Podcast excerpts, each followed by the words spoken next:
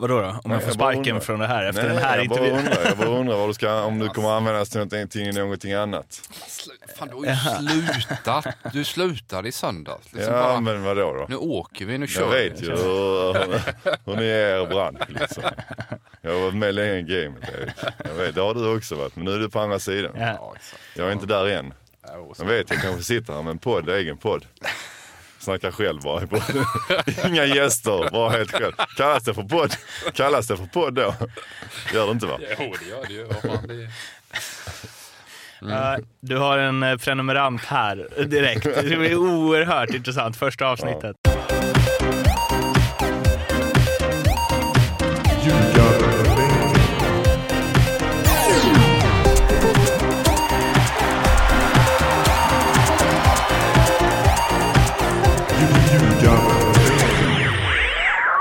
Hjärtligt välkomna till ännu ett specialavsnitt utav Nordic Bets allsvenska podcast Ljugarbänken. Det är klippare Martin Gustafsson som presenterar det här men när vi väl sätter igång den här podden så kommer ni få lyssna på Mårten Bergman, Erik Edman och dagens gäst, Sveriges bästa målvakt genom alla tider, Andreas Isaksson. Det är ett eh, fullmatat avsnitt som väntar framför er, men det är inte allt.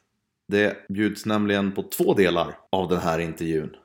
Eh, det här är del 1 och eh, den innehåller lite kortare, rappare frågor kan vi kalla det.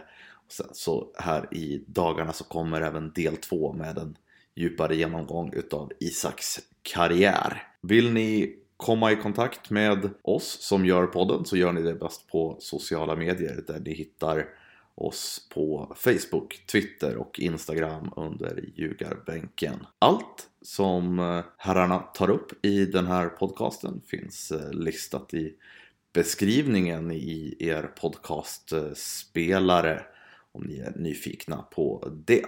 Med det hälsar vi återigen alltså hjärtligt välkomna till specialavsnitt av Ljugarbänken Andreas Isaksson del 1. Trevlig lyssning. All budget är ju...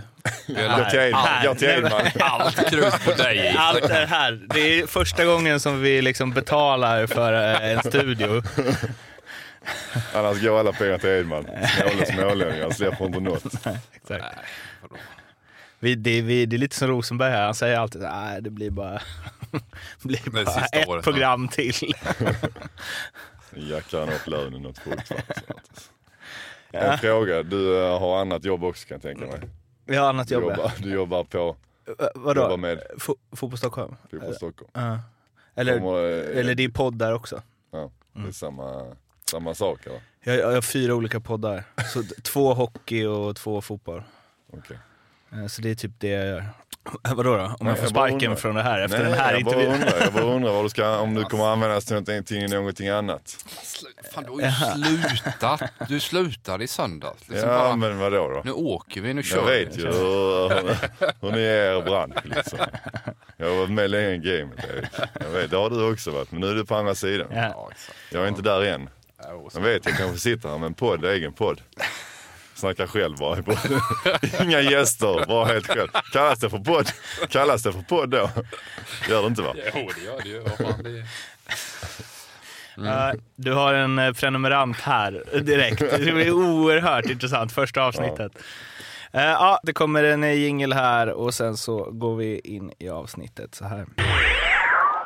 Ljugarbänken, ja det är väl avsnitt 107 eh, borde det vara, men det är också en superspeciali eh, avsnitt. Ni kanske tänker så här, fan vad bra ljud. Ja, det är ju för att eh, varken jag, det brukar för sig inte krångla på den fronten, men heller inte Erik eh, sköter ljudet eh, den här gången, utan vi sitter i en hyrd studio. Och då tänker ni säkert, va? Har de råd att hyra studio? Ja, när vi får tag i en sån här exklusiv gäst så har vi det. För med oss i ljugarbänken idag, förutom Erik Edman, hej, Hej, hej. har vi Andreas Isaksson, Sveriges bästa målvakt genom alla tider. Är du bekväm med det? Uh, nej det vet jag inte men eh, tack så mycket, det var kul att få komma hit. ja. Hur mår du? nej men det känns bra. Eh, det är kul att vara här. Edman har lurat hit mig så eh, vi får se hur det här går. Det är första gången jag gör en podd. Mm. Så um, ja, det är väl Er- Eriks fel om det går åt helvete. Nej, för fan, vi ska gräva fram eh, en hel del roliga anekdoter hade vi tänkt. Och sen eh, får vi se vad vi kan lura in honom i för fälla här, Mårten. Ja, han gjorde ju en analys här innan hur podd funkar. Att så här, man, man vaggar in och sen vad var det du? Sen så kommer hugget i ryggen. Ja, man väger in i en säkerhet och så- gästen och sen så kommer det Eh, dolken i ryggen sen. och det hade du lärt dig av Kim Källström? Ja, det är han som har lärt ut det. Fan. Nej, cynisk människa, mer cynisk människa får man leta efter än en Kim alltså. Jag, jag, jag är faktiskt, jag liksom, brukar sällan vara, eh, gjort så otroligt många poddar, så brukar sällan vara nervös inför. Men jag var nervös inför att jag gjorde Markus Rosenberg för att alla sa så här, vad ska du prata med honom om? Eh, och här är jag nog lite nervös för jag tänker att bara, fan vi har två timmar här. Om inte, eh, det måste komma ut bra grejer ur det här.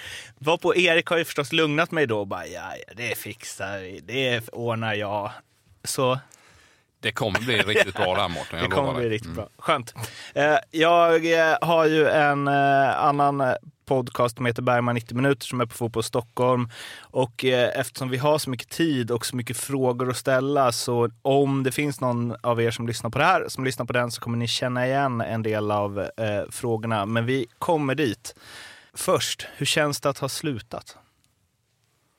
Det känns bra tror jag. Eh, nej men det är svårt nu.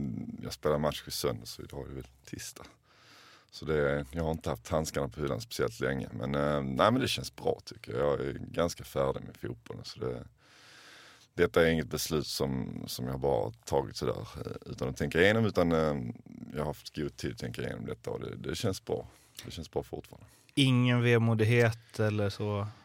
Nej, inte just nu. Ja, sen så när det kanske startar igång igen och, och matcherna är igång och, och alla tränar och grejer så, så det är klart man kommer nog sakna vissa grejer. Men, men ehm, jag, var, jag var färdig med det. Jag har inte energin och kraften och då, då ska man inte hålla på på elitnivå heller. Har du liksom packat ur grejerna eller hur? Nej, inte än. Jag får packa ut mitt skåp här om, i dagarna. Men du har, du har liksom räddat din sista boll? Det har jag gjort, definitivt. Oldboys-laget där, Djurgårdens uh, Oldboys-kaminer, eh, får Eh, kanske ett nyförvärv här Nej, det vet jag inte riktigt. Det, om Kim ställer upp så kommer jag ställa upp i alla fall. Och jag tror inte det är så troligt att Kim spelar. Hyfsat lag det kommer vara eller? Utkast till Kim som skjuter. Det kommer liksom vara det Är hela. det sju man när man spelar när man är oldboys? Orkar man inte elva man då eller? Eh, Erik, när du eh, la av, var det samma känslor eller? Men det är klart att eh, Isak är inne på det. blir lite som en, eh, ja, inte fest, klart att sluta, men, men det, det blir ju ändå en konstig bubbla nu här och nu tror jag för Isak. Men sen, som han är inne på, om två, tre veckor, man känner, ah, vad fan ska jag pyssla med nu? Det kanske han har en bra idé om redan, redan planerad, men, men det är klart att det finns ju en tomhet och det, det, det känns ju annorlunda och helt plötsligt är man inte en fotbollsspelare längre. Och, och ja, man får väl eh, komma på vad man ska pyssla med och vad, vem man ska vara.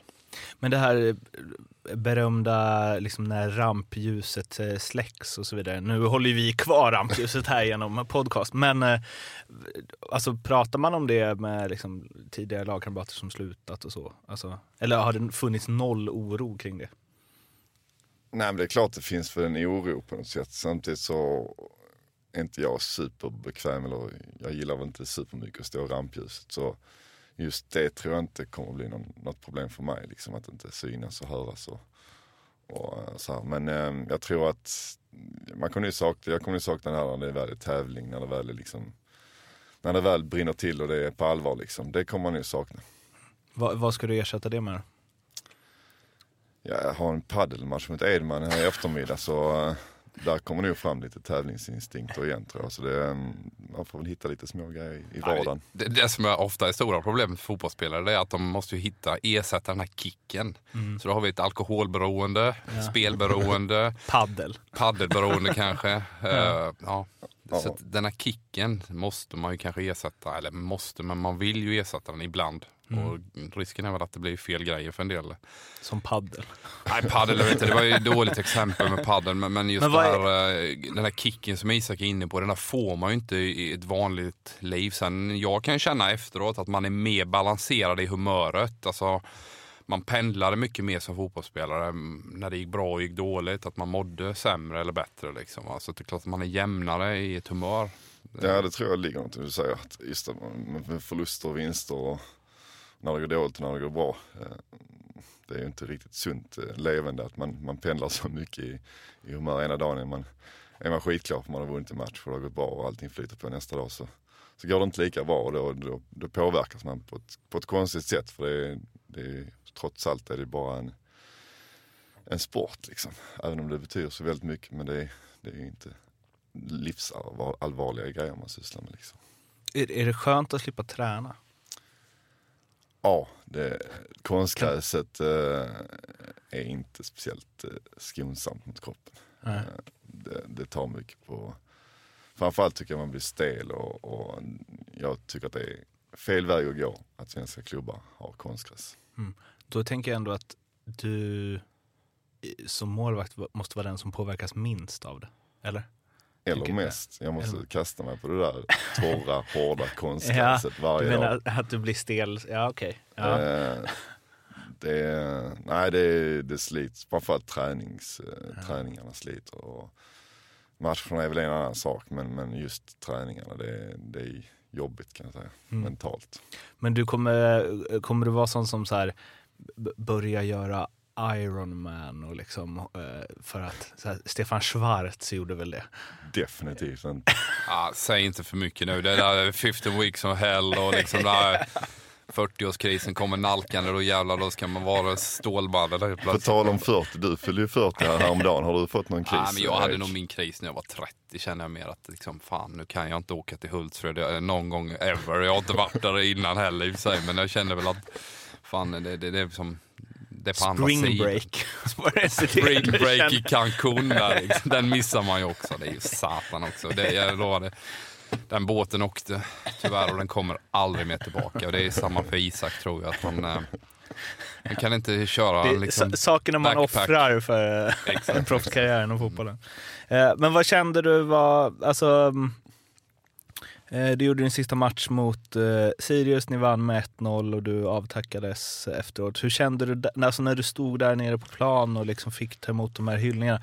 Kan man, alltså för en eh, vanlig dödlig, jag vet inte riktigt hur det känns. Liksom. Alltså jag vet hur det känns när 40 föräldrar skriker när man har gjort mål, typ när man var 15. Men hur är det, alltså, får du in så här, hur mycket de tycker om dig? Nej, men det är väl samma känsla som du hade för föräldrarna gånger tio kanske. Jag vet inte. Det... Gånger tusen? uh, nej, men det är, det är en fantastisk känsla. Framförallt också alla, alla fina hälsningar jag fick från alla gamla spelare och tränare och, och allting. Det var, då blev man verkligen rörd. Det, det, att man har gjort ändå ett avtryck på dem man har spelat med och, och att man betyder någonting, inte bara som fotbollsspelare utan, utan att de, de berömde, eller berömde säger man det, men de, de verkar gilla min, min, min personlighet också och hur, hur, hur jag är. Mm. Tror du att du kommer eh, alltså, stanna i det, se det, se det igen liksom på, alltså, och klipp? Och liksom, alltså. Ja, jag ska få lite, lite klipp. Jag har inte sett alla hälsningar. Nej. Det var lite halvdåligt ljud när man stod ute på Tele2. Eh, så jag hörde väl inte riktigt allt. Men eh, nej, men jag ska väl få, få dem där och det är något man kommer ha med sig resten av sitt liv. Och, och man får väl någon, någon grå novemberdag om några år kanske man får sätta på den där och minnas tillbaka, jag vet inte.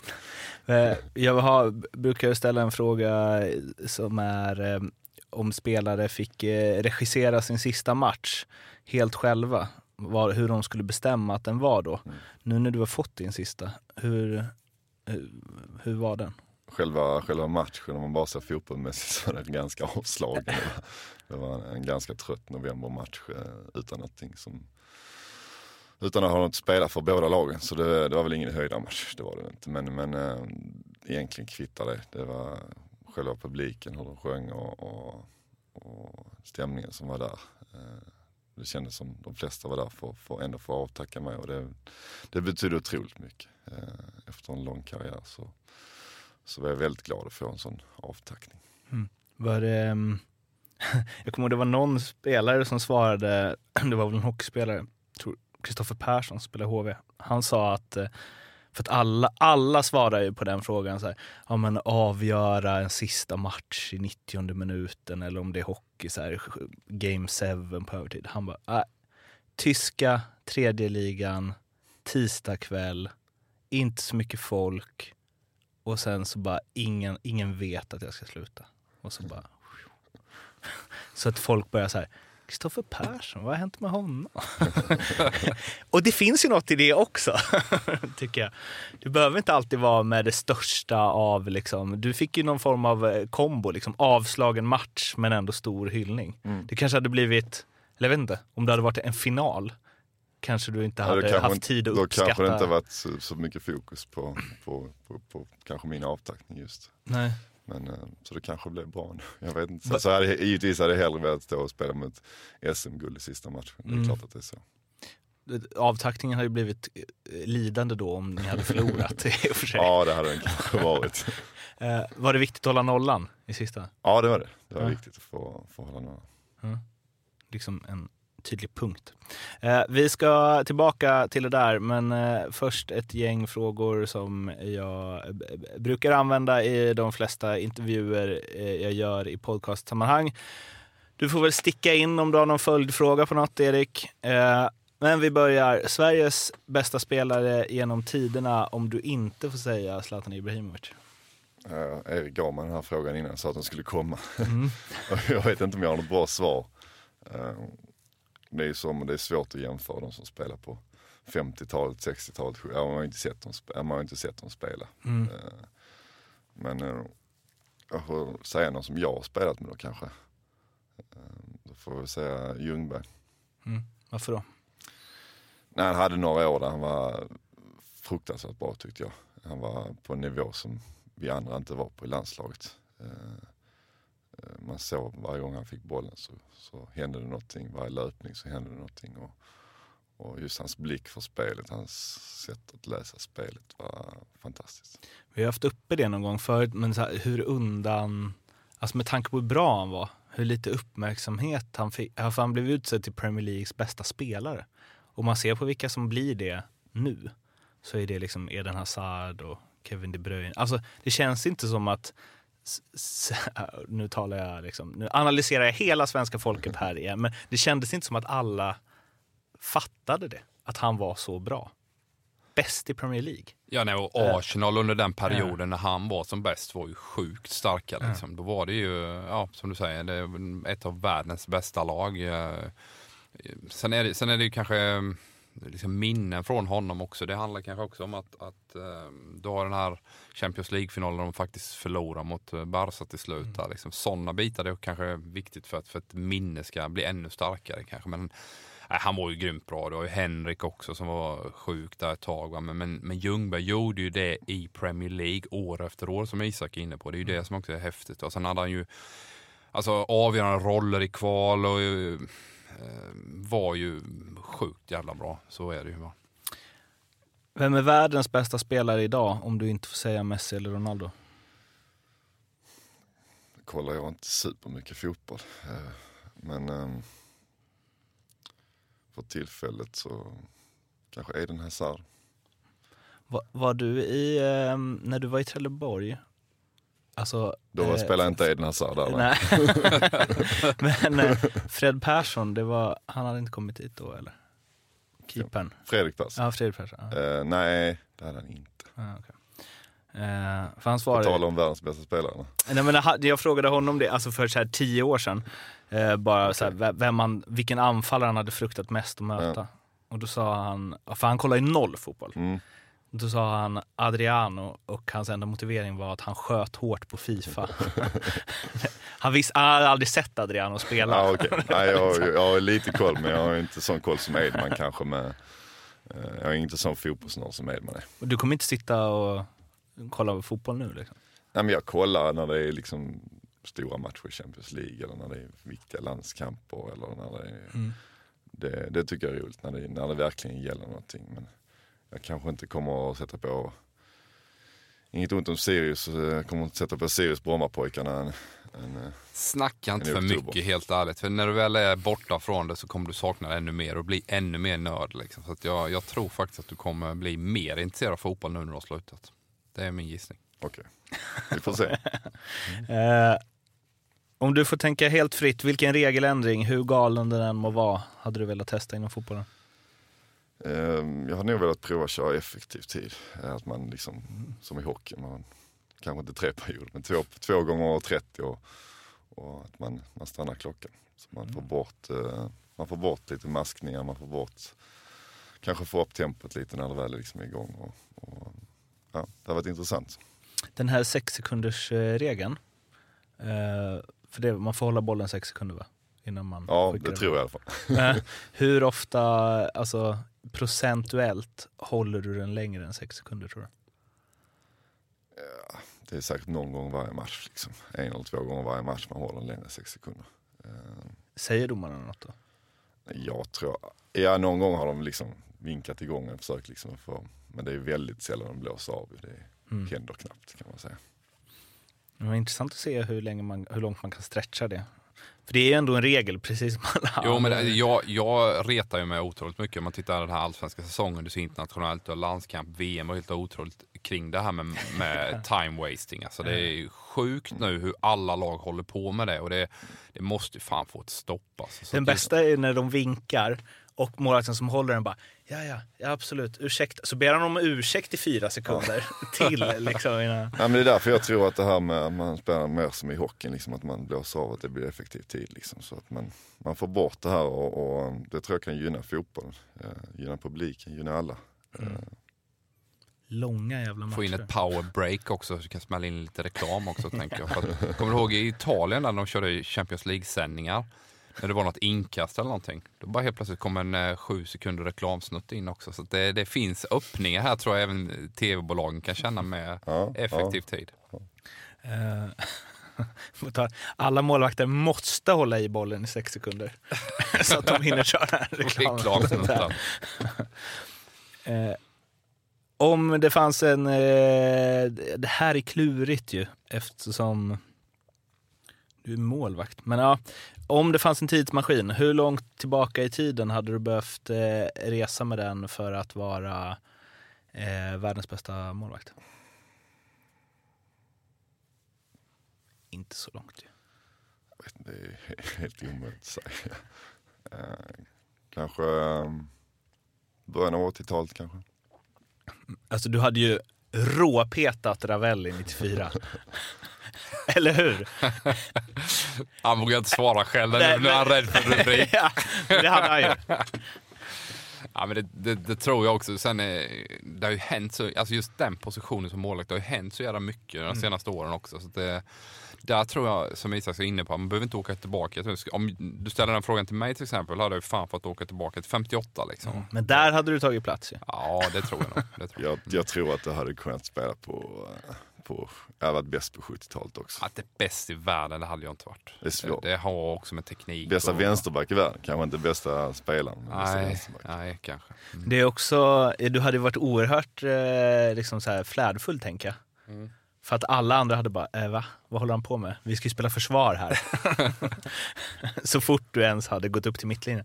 Nej men det där är ju det där är ganska intressant utifrån en, alltså för jag, man tänker så här, början av 70-talet så tänker jag att eh, alla allsvenska spelare hade varit eh, bäst i världen. Fast sen var det så här, Cruyff var ju men det är så svårt för det, gick, det går ju så jävla långsamt. Ja, alltså. Sen så, som målvakt så också så här, jag har fått mycket kritik för mina fötter. Jag hade inte behövt använda mina fötter i, på 80-talet. Just det. Jag hade bara kunnat plocka upp bollen. Ja, men det, jag, Så där kan man snacka om att jag hade kunnat maska Ja, men också. jag satt och kollade någon VM 90-match. Liksom. Vad, vad fan gör han? Han spelar hem målvakten. Målvakten plockar upp den. Vad händer? Liksom? Så att, eh, det, det var ett helt annat spel. Så målvaktsspelet har ju förändrats något enormt. Liksom. Eh, Mm. Det är nästan det som har förändrats mest de sista, sista 30 åren. Liksom. Det måste jag säga. Det var någon som, en intervjuare som tyckte att man skulle få plocka upp den igen. För att så här, idag är det men typ Allison, eh, vad heter han då i Ederson. City, Ederson. Mm. Att alltså, om man fick passa hem till målvakten och han fick ta upp den så hade man hade kunnat typ använda det i spelet som fan. Mm. Att de bara tog upp den och bara drog värsta passningarna. Eh, men att man då också skulle skita i off, offsiden. Så att anfallarna kunde ligga hur högt som helst och stressa. Det var ju så gamla tv-spel kunde man ju ställa sig framför målvakten när han skulle göra utspark så man fick den i ryggen in i mål. Hade adderat någonting. Eh, mm, mm, mm. Hur många procent talang eh, versus träning var du? Det är så konstigt att säga var. Ja, men ja. ja, ja ehm, mest träning. Eh, talangen del men, men eh, framförallt hård träning tror jag. Jag tror de flesta är ju mest träningsprodukter. Det finns inte så många talanger. Eh, de flesta fotbollsspelare är nog Majoriteten är nog träningsprodukter tror jag. Okej, då om vi ska liksom in och grotta i det då. När du var 17 var du liksom fett bra. Du kan ju inte hunnit träna så mycket mer när du var 17 än alla andra 17-åriga målvakter. Nej, men, men eh, kvaliteten på träningen, hur Mm. man tränar, eh, tror jag, vilket fokus du har på träningen. Det är väl det som är, det handlar inte bara om att träna, du måste ha fokus på allt du gör. Mm. Tror det är det som kanske är skillnaden på de som blir bra och de som inte blir sådär. När, när du ställde dig i mål, när stod du i mål första gången? 12. Kände du direkt då att bara wow, Vi var så jävla dåliga utespelare, 1,85 som 12-åring och sen så, vad ska vi göra med honom? Vi måste slänga in honom i buren. Ja, kanske inte riktigt så, men, men eh, jag var väl inte jag var inte bland bland de bästa i alla fall i laget som utespelare, men, men eh, jag, jag ville nog alltid stå i mål. Eh, Sen kommer jag från en liten... Vilken position hade du som Jag var utespelare? mittfältare. Mittfältare. Mm. Jag spelar ju inte 11 man, jag spelar bara 7 man till 7 man. Så. Men jag var väl eh, faktiskt en av de bättre i det lilla laget som jag. Östratorp. eller? Ja exakt, vi, men där var ju liksom, vi hade, vi hade 12 spelare typ från, från lilla byn och alla fick vara med så det var liksom inget, det var inte BP där att man plockar ut någon, någon, eh, någon extrem, eh, extrem elva liksom, de bästa liksom, välja med flera tusen människor. Men när du ställde dig i mål, kände du så här, här hör jag hemma? Ja, nej men det, jag kände väl när jag spelade ut också att jag ville, ville helst stå i mål. Jag tyckte det var roligast. Liksom. Mm.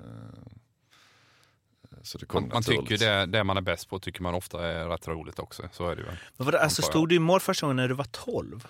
Ja, jag stod kanske någon gång, men det var när jag gick till, när jag gick till Trelleborg, eh, när jag var 11-12 år.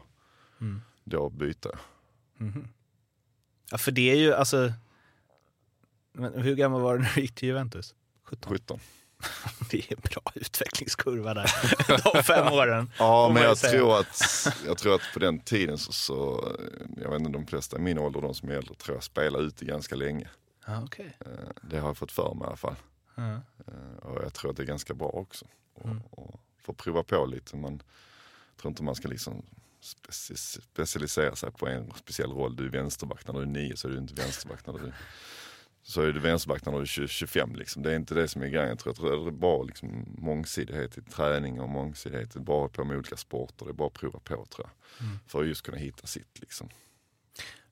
Var du vänster? Har du allt varit Nej, jag var inne mittfältare hela tiden. Sen så eh, lagom till seriepremiären, allsvenska premiären 97 så gick Rolle Nilsson sönder och så hade de ingen vänsterback för de flyttade över högerbacken som spelade vänsterback då till högerbacken Ah. och då, eh, fan, vi testade mig då. Mm. Så, och sen blev jag kvar där och jag kände väl också att eh, ska jag ha stora möjligheter att få spela så, så är det nog kanske Det är väl alltid så, så alltså i unga... man och- sätter ju de sämsta spelarna som vänsterback, det ska man ju ha klart för sig. Och det gäller ju fan nästan i allsvenskan också.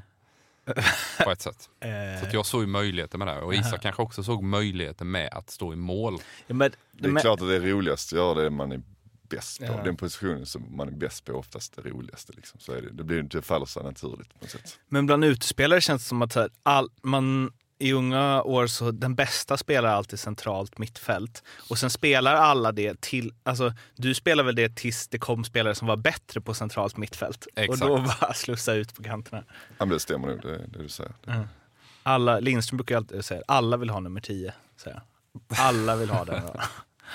Om du hade fått eh, ta en egenskap från en annan fotbollsspelare och addera till dig själv när du spelade. Vilken eh, egenskap från vilken fotbollsspelare? bra fråga. Ehm, det finns många egenskaper man skulle vilja ha. Ehm, Om man ska plocka ut någon så, så är det väl, eh, i och med att jag inte har bästa fysiken liksom, så kanske man hade valt någon, någon som har bra fysik. Liksom, tror jag. Vilken keeper har bäst fys- fysik? Som spelar nu. Oj. Hjälp mig Erik, du är fotbolls... eh, Ja, men, eh, fysik, menar du då liksom muskler eller? Ja men vad? liksom uh, spänst och liksom, Jag vet inte, de här tyska keeprarna, Neuer, det Ja. känns ju rätt stabil pjäs får Ja. man väl säga. Du har ju Ter Stegen och, och så att, eh, Men- du menar liksom en motorik och, och Ja, ja, hela jävla paketet med hela teknik paket- också. Hela, ja. hela liksom, allting. Jag vill ha allt. Jag vill ha allt. Ge mig allt. Nej men eh, det finns många grejer. Man vill ha liksom, Kims huvud hade inte varit helt fel. Nej, han är stark den. Ja, alltså. mentalt liksom. Och, och, det är många grejer man- jag vill ha haft bättre liksom. Benny Lekström, Ja, men mental, mentala styrkan kan du ju ändå inte gnälla på. Då är det, ju- ja, om jag får ge dig en egenskap så är det Mm. att du skulle vara bättre med fötterna i så fall. Då. Du är inte dålig med fötterna, absolut inte. Men eh, Ederson och den typen av kvaliteter att kunna liksom, det behövs ju om du ska spela i världens bästa klubblag så behöver du vara extremt bra Mm. I alla med fall fötterna. idag. Alltså, ja, definitivt. Alltså, Mm. Ederson, jag satt och kollade på honom eh, mot Tottenham för jag var över och, och man, man ser, han är ju bättre än flera allsvenska spelare med fötterna. Ja nej, men det, det stämmer. Det är, moderna fotbollen har utvecklats åt det hållet. Så var det inte riktigt när jag slog igenom. Jag har inte blivit skolad på det viset. Eh, Men nu krävs det ju något enormt från målvakterna. Speciellt om du ska spela i de bästa lagen. Så det kanske stämmer. Eh, men vad, alltså det tänker sig Ederson och Alisson Becker, de måste ju ha spelat ute länge. Kanske spela längre ut än vad jag Ja men det, exemplet i Allsvenskan har du med Isak Pettersson till exempel. Va? Ja. Han är ju alldeles för kort för att liksom spela internationellt men han är sjukt bra med fötterna, helt galet bra. Och han har ju också spelat ute länge. Per Hansson har till och med gjort, som är i HIF. Mm. Han med, säger att han hade blivit allsvensk spelare Ja det vet jag inte men, men han, har ju, han har gjort en pojklandskamp som utespelare. ja, nej. ja men det förstår jag. De, de, båda de två är väldigt skickliga med fötterna. Och duktiga målvakter men framförallt väldigt, väldigt skickliga med, med, med fötterna. Benny Lekström sa att han hade velat ha liksom, eh, tillslag och gå upp och ta alla frisparkar. Hade, Ja, det, hade, är inget, det är inget jag drömmer om kan jag säga. det borde du fått göra i sista matchen. Som 20, 20 meter, bästa frisparksläget. Och sen så bara... Men tillbaka till det med, jag menar med fysik. Att jag tror att alla de världens bästa fotbollsspelare, om du är målvakt, bäst i, bästa målvakt i världen eller bästa forward eller bästa mittback. Alla har en fantastisk fysik. Mm. De har, eh, det är liksom ingen, ingen dålig fysik någon har liksom, utan alla är liksom topp tror jag. Jag tror det som skiljer de som är, är bäst och de som är lite under där, att, att fysiken är liksom, är, du kan komma långt med speluppfattning, du kan komma långt med teknik men med fysik det är, det är nästan det viktigaste tycker jag. Mm. När var du som bäst? Enligt dig själv. Eh, kanske runt 30 strecket. Då, när du var som bäst, hur bra tycker du att du var då mot vad du känner att du ha, ha, hade kapacitet till att bli? Lite så här, nådde du ditt max? Eh, nej det gjorde jag väl kanske inte. Eller jo, kanske jag gjorde. Jag kanske inte var bättre. Jag kanske hade en falsk... Jag kanske trodde på att jag kunde bli bättre kanske. Men jag sen kunde bli det kanske. Ja, men alltså, du har ju ändå haft en helt sjuk karriär och så jävla lång dessutom. Och jag menar 133 landskamper skojar man fan inte bort Nej. alltså. Men Nej, det är det, men men jag tror, att, jag tror att jag har haft en enorm press på mig själv också. Mm. Jag tror att det kommer från eh, att jag eh, slog igenom väldigt tidigt. Eh, fick spela landslaget när jag var, var i stort sett ordinarie när jag var 20-21 kanske. Eh, så jag hade en väldigt, det gick väldigt fort i början. Eh, sen så kanske jag inte kom upp i den nivån som jag drömde om. Men det är inte så många som kommer upp i den nivån de drömmer om heller. Så det, nej. Vad, vad tänkte du att det skulle bli då? Nej men man hade ju en dröm om, om liksom, i och med att jag hade en sån, hade en sån enorm, enorm, men jag hade väldigt, det gick väldigt fort i början. Jag spelade i, i Trelleborg och jag spelade 11 matcher, sen gick till Juventus. Så det kanske blev lite, jag fick, kanske fick, det kanske gick lite för fort. Eh, Jag satte lite hög, för höga krav på mig själv kanske. Mm. Har det hem, hämmat dig på något sätt tror du? Det kan ha gjort lite. faktiskt. Att jag kanske har haft för höga krav på mig själv. Och, eh, jag tror att jag har känt trycket utifrån också ganska mycket. Den eh, bästa spelaren som du har spelat eh, med, och det behöver inte vara den med fetast CV eller eh, det största namnet, men den du där och då tycker är den bästa du spelat med? Nej, det är Zlatan Ibrahimovic, utan tvekan. Bara inte motiverad. Eh, den bästa du mött då, utifrån samma kriterier? Eh, mest talangfulla är Messi tycker jag. Det, sen Messi och Ronaldo kan man alltid snacka om. Det snackar alla om. Vem är bäst, vem är bäst. Men, men mest talangfull är ju Messi. Liksom. Sen så, Ronaldo har egenskaper som han kan spela överallt och han kan göra mål överallt ifrån. Men, men eh, snackar man talang så är det Messi. Har du någon spelare som, du vet, som har gjort mycket mål på dig? Alfonso Alves. Mhm. Okej. Va- För att han... Hade, du- hade du inte väntat dig det svaret eller? Nej, men för att han har gjort mycket mål eller eh, f- vad han, tyckte att han hade kluriga avslut? Liksom? Nej, han har gjort mycket mål. Han är en duktig spelare också. Erik, har du spelat med honom? Nej, det har jag inte. Han var ju både i ÖIS, gjorde han mål på dig när, när du spelade Djurgården också när han var i ÖIS eller? Ja, jag, så han stängt alltid dit. Här- Jag vet, inte, av någon anledning så... så Gjorde han mål i den 8-1 matchen Ja, han också? gjorde mål i den klassiska Okej. 8-1 matchen också. Jag har också en klassisk eh, 9-1 match så jag ska inte snacka så mycket. Afonso Alves, ja. Ja. Eh, den bästa tränaren du haft? Laszlo Bolöne. Laszlo. Laszlo var bra men han var ganska hård också. Eh, Det kan väl du berätta mer om? Ja, men det, vi kommer nog in på det sen när vi surrar lite renn också kanske. Men, eh, Ehm, nej, jag vet inte sådär speciellt. Om man ska nämna någon, någon, någon speciellt sådär. Eh, man har haft ganska många tränare liksom. Många lite sämre kanske. Några bra. Men jag vet inte, jag vet inte vem, jag ska, vem jag ska välja faktiskt. Ja, men då tar vi det, den sämsta. Det vill jag inte heller säga. Det passar på den också. Eh, den bästa lagkamrat du har haft utifrån hur du tycker att man i ett lag ska vara i ett omklädningsrum och mot sina lagkamrater? Kanske Timmy Simmons. Spelar med PSV. Lag, eh, lagkapten, en bra kille. Snackar med alla och alltid gav allt. Och, ja, bra kille. Har du blivit eh, starstruck inom fotbollen någon gång? Det ska väl vara när jag var 17 och flyttade till Juventus och, Ja. och kom i samma lag som, som Del Piero, Inzaghi, eh, Zidane, eh, ja, med många fler. Van der Sar, Davis, det var ett hyfsat lag. Och, eh, kom från Trelleborg och spelade med, spelade med inte så namnkunniga spelare till, till att och, och komma till Juventus. Det, den omställningen var enorm. Liksom. Åh gud vad vi ska komma tillbaka Nej, till vilken det. jävla kontrast alltså. Ett dassigt Trelleborg och sen bara landa in i världens bästa klubblag. Nej, inte dassigt. Säg inte dassigt om Nej, men var inte, ni var inte skitbra. Nej, det var ni var inte. kanske inte Juventus-klass. Eh, vem har eh, betytt mest för din fotbollskarriär? det har väl min eh, målvaktstränare som jag hade i Trelleborg. Tror jag. Det var där jag fick min utbildning, det var där jag fick grunden. Liksom. Det är ändå det viktigaste. De viktigaste åren är ändå mellan, mellan de tidiga tonåren till man är ja, 18, 19, 20 ungefär. Vem var det? Eh, Jan Eriksson, målvaktsorakel i Trelleborg. Och Det är så nice ord. Orakel. Det vill man ju vara någon gång. Björn Hellberg tänker jag på när jag hör orakel. Tennisorakel. Eh, din största framgång som fotbollsspelare?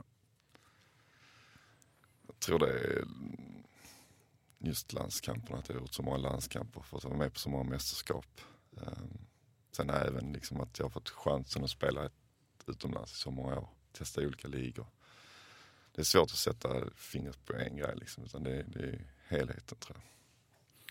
Ditt största misslyckande slash motgång?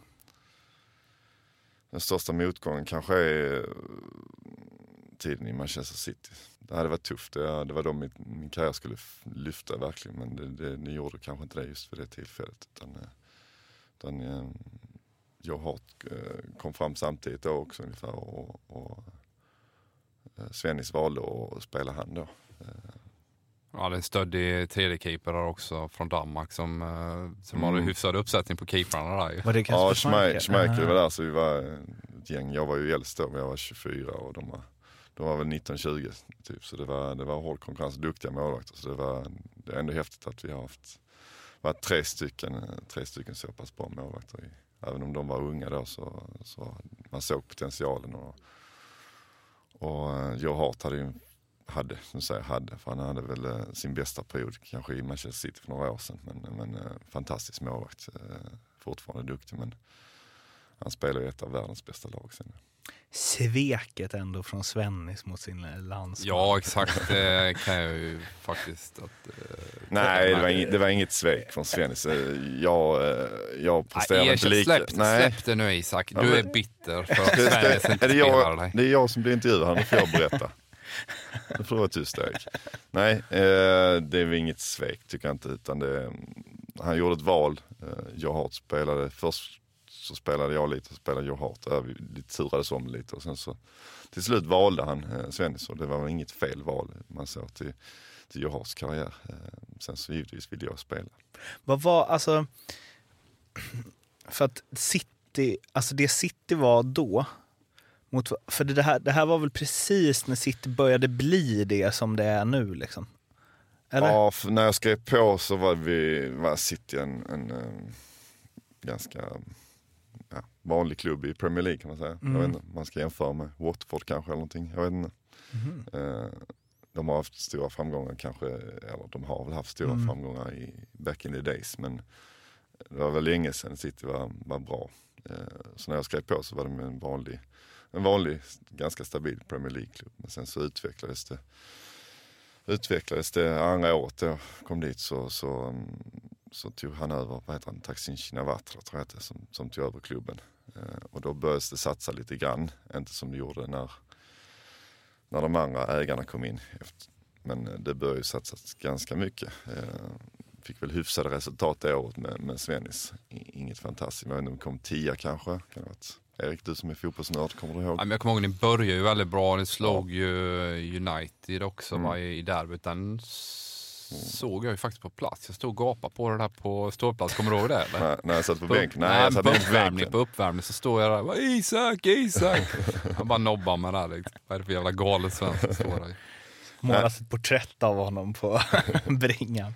Nej, så det var väl på väg, andra året när jag var där så var det väl på väg att bli en, en lite större klubb och sen så när jag lämnade så kom de nya ägarna in och då blev det ju liksom en annan sak. Eh, Mm. Då blev det ju en, en världsklubb. Om du med den erfarenhet eh, du har av fotbollsvärlden idag fick ge Andreas Isaksson 15 år ett tips, vad skulle det vara? Ja, tålamod. Chansen kommer om man, om, man, om man jobbar på. Tråkigt svar kanske men, men eh, på något sätt handlar det liksom om, om vad man själv gör. Man ska inte bry sig om vad de andra gör. Utan det handlar om vad man själv, vad man själv gör av sin tid som fotbollsspelare. Har du haft för lite tålamod någon gång? Ja, det har man kanske haft. Eh, kanske i city när man liksom, man, man liksom, man blir frustrerad, man vill spela, man vill, man vill visa vad man kan. Kanske det kanske, kanske ibland inte är den frustrationen man får när man inte spelar kanske inte är alltid den bästa. Samtidigt så, så har de hjälpt mig också att träna hårdare och bli, bli förbannad och bli tjurig. Erik, du har väl också blivit lite tjurig i din karriär har jag hört. Kan du berätta kanske om Heerenveen någon gång när du gick hem från träningen? Och, Har du gjort det där också? Eh, jag hade en grej, men det tar vi i ett annat avsnitt. Nu är det isfokus på Isak. Alltså nu byter vi, okej. Det var Det du är som jobbigt, sa det. Det var det är du som sa det är det. Det var ju du som ville ha Kan jag, fokus inte berätta, kan jag inte berätta den här snabbt Nej bara? vi, nej, vi tar den eh, Det en är- annan vecka, Mårten. Han kommer ha en podd inom ett halvår Jag tror kan ju jag. köra en podd bara om Edmans karriär ju. Edman-podden. Eh, som du uppfattar det, vad är den största allmänna missuppfattningen bland folk om hur livet som professionell fotbollsspelare? Att det är ganska mycket glamour. Det är det inte. Man måste kasta sig på den här konstgräsmattan ibland också. Som inte är så skönt. Eh, det här är ju ehm, en lite eh, flummig fråga, eller formuleringen i alla fall. Men om du skulle få eh, samla alla Sveriges fotbollsjournalister och de har druckit någon magisk dryck som gör att de bara embracear och tar in allt du säger till dem. Vad skulle du säga då? Vad menar de med embrace? Att de, Jag inte, sa- att de inte säger det vidare eller vadå? Nej, nej, men jo att de verkligen så här, eh, om du, ja men till exempel om du skulle säga, ni måste tänka på det här innan ni ger folk en överkryssad geting i betyg. Så kommer de tänka på det resten av sina journalistkarriärer. Det hade varit bra eller? Ja det hade varit bra. Du, va, men vad hade du, alltså finns det något så här tips till alla journalister? Ska jag sitta Utifrån Jag har inte spelarperspektiv varit så liksom. mediavänlig i min karriär kanske. Jag vill Nej, försöka, exakt. försöka hålla mig undan så mycket som möjligt. Vad skulle journalister gjort för att du skulle varit mer mediavänlig? Jag vet inte, jag tycker det här med att, jag vet inte, ofta så, det är, en, det är en värld som jag förstår att det måste skrivas intressanta saker om man säger så. Eh, De betalar din lön, Andreas. Ja, eller, eller, eller så är det mitt fotbollsspelare som betalar min lön. Nej, jag förstår vad du menar Erik, att, att media, klart media behövs och media är viktig. Eh, men ibland så tycker jag att vissa journalister kan hänga upp sig och eh, liksom det blir mycket skit på en viss individ eller en klubb eller, eller någonting. Utan det, man kanske inte ser det man kanske inte ser verkligheten som den är utan man kanske låser in sig på, på en viss grej. Liksom. Hur- eh, Alltså när typ så Kim konverterar till the dark side, eller Erik för den delen. Ja, jag- Snackar du något med Nej, jag pratar inte med dem på ett halvår efter de har gjort det. Så. Nej, men eh, ja, nu sitter Erik i podd. Liksom. Jag, jag, Kim berättar hur en podd fungerar liksom, för mig. Så det, det, det gäller att akta sin tunga. Alltså när han berättade, sa du så här, jag ska gästa en podd? Mm, då sa han bara nej, nej, nej för helvete. Ja, han har Nej, tackat han, nej. han har varit med, han har varit med i några stycken tror jag. Ja, han gjorde ju sån otroligt, eh, det- nu är det liksom eh, bara för att han har tackat nej hit, eller han har väl inte ens svarat antar jag. Har han inte Eh. svarat Erik? är det så? Så, Så är det. Så är det. Ja, så därför så, eh, ja han kommer ändå aldrig hit så nu kan jag säga det här. Han var otroligt... Ni kanske måste höja budgeten Ja. lite ännu mer. Ja. Kanske inte räcker med en liten studio, kanske måste ha en stor, studio. Eh, det var otroligt pretentiöst när han var med i Värvet. Det var kul att lyssna på, men det var liksom, han valde liksom överst på eh, gräddhyllan där kände man. Att han så här, tog där alla, liksom alla kulturmänniskor Ja, men han ska ju spela så jävla fin ju. Det är bättre, liksom, han är ju en bonde från Hisingen liksom, eller Så det är- Partille, eller vad är han? Så att han, han, han måste komma tillbaka till det och hitta eh, rötterna där han kommer ifrån. Så du menar att det är bara bönder som får komma hit? Då? Exakt. Vadå, känner du att du... Jag känner att jag har kommit, då har jag kommit rätt. Ja, exakt. exakt. Han, han kommer definitivt inte gästa om man lyssnar på det här avsnittet. Det är en sak som är skit om honom hela tiden. Ja, exakt. Eh, vi kör lite där, the game. Om man trycker ner någon så vill den ha en. Ja. Eh, vad eh, tänker du att du ska göra nu efter karriären? Det vet jag inte. Det, jag har fått den frågan rätt många gånger nu sista, sista året här. Sen, Du kör ju din paddelhall. Ja, men det är, mest spela. Jag sköter jag inte om speciellt mycket när jag spe- spelar mesta. Nej, men jag, jag vet faktiskt inte vad jag ska göra. Och eh, jag känner att jag vill ha lite distans från fotbollen nu. Det är möjligt att jag vill syssla med något inom fotbollen. Men eh, just nu så vill jag inte vill jag ha lite avstånd från fotbollen. Jag har varit mycket fotboll sista, sista, sista, Sista tiden. 20, 20 åren, åren. ja, exakt. Eh, men du, du ska inte gå i, eh, vad heter han, Jan Eriksson, bli ett eh, målvaktstränar-orakel? Mm, nej, men man vet inte. Det, det är möjligt. Den tar det väldigt mycket tid också. Det, att vara tränare är, tar nästan mer tid än att vara spelare. Det är mycket helger och mycket planering och mycket, mycket ansvar. Sämre betalt. Sämre betalt. Eh, ja, det här är ju... ja, det är intressant. Vad är det sjukaste som har hänt dig inom fotbollen? Eller det hade också kunnat vara, berätta något kul. Berätta något kul. Ja, det ska... Det är mina jag har två inte samma storybank som Erik då. Han har ju enormt mycket grejer. Alltså, jag har ju varit på lite eh, ockulta ställen också kan man säga med Karlsruhe. Isak har ju också... Har du berättat om Karlsruhe-historien? Har vi Sådana också- historier har inte jag ju. Nej men det är ju lite sjuka grejer. Men jag känner nu är det fokus på dig. Du har ändå varit mig det- fan i hela Europa. Du det har måste ju spelat finnas sådana något sjuka här. matcher. Så att du måste ju ha någonting att komma med på denna fråga. Det, jag vet inte, det, sjuka, det sjukaste är väl egentligen det här eh, som ni kanske har tänkt ta upp senare. Det här med, med, med Joey Barton och Osman Dabou, eh, slagsmål på träningen. Som urartade. Eh, eller det var väl inget slagsmål, det var mer en misshandel av, av Joey Barton. Som, eh, nej, det, var, det var hemskt. Det, det var fruktansvärt. Hur var Joey Barton? Eh, lite halvgalen. Eh, trevlig eh, kille men det kunde slå slint ibland bara. Var du rädd för honom på träningarna? Eh, nej, inte rädd men, men eh, det var ju ingen man liksom ville, ville bråka med. Speciellt efter den här misshandeln han gjorde. Så det var, nej, det var, det var, det var riktigt otäckt faktiskt. Det var, Det är den by far kändaste personen som har twittrat till mig. Det är liksom, så han är ändå, visst, misshandel men också... Ni är lite buddies då. Men, men alltså det, hela den grejen där, började det på, på ett smålagsspel och sen bara ballade han ur eller vad? ja, det var väl själva grejen var väl att de, jag tror att de hade stört sig på varandra lite ett tag. Det var liksom ingen grej som bara kom utan, utan det var väl, låg någonting i luften. Det vet ju du hur det kan vara på träningar ibland. Att man, det kan vara lite, lite gnabb och lite, ja, det kan ligga något i luften liksom. Och sen så bara helt plötsligt small det liksom. Eh, och det var, det var, det var riktigt otäckt faktiskt. Jag Det- var även kallad till rättegången till det här. Det skulle bli en rätt, upp i rättegången.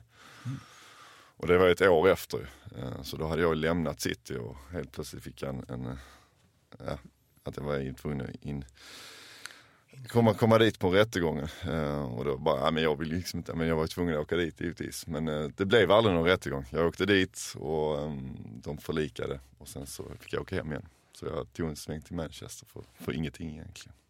Men eh, alltså, vilket år var det här? Eh, misshandeln var väl, eh, kan det ha varit 2007? Kan det ha det? Mm, jag försöker hitta... Jag tror vad- 2007, våren 2007. Okej. Eh, vilket, vilket otroligt... Eh, vi kommer ju dit. Men eh, vilket lag City hade då. Det är många goda spelare alltså.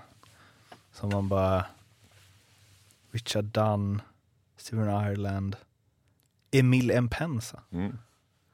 Samaras. Det är liksom bara godbitar. ska vi grotta i sen. Ja, eh, men vadå, var det...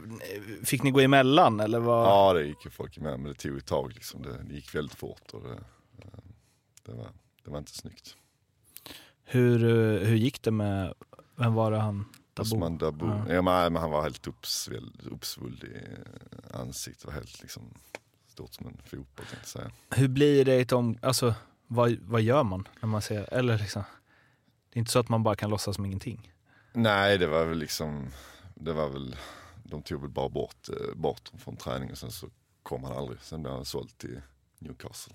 Ja, det var det sista han, Ja. okej. Där var det slut på del 1 utav Ljugarbänkens intervju med Andreas Isaksson. Hoppas att ni har uppskattat den första delen i den här intervjun och att ni återkommer till den andra som släpps bara här i dagarna. Vill ni komma i kontakt med oss som gör den här podden så gör ni det enklast via våra sociala medier. Ni hittar oss på Facebook, Twitter och Instagram under Ljugarbänken. Tills vi hörs igen får ni ha det bra. Hej då!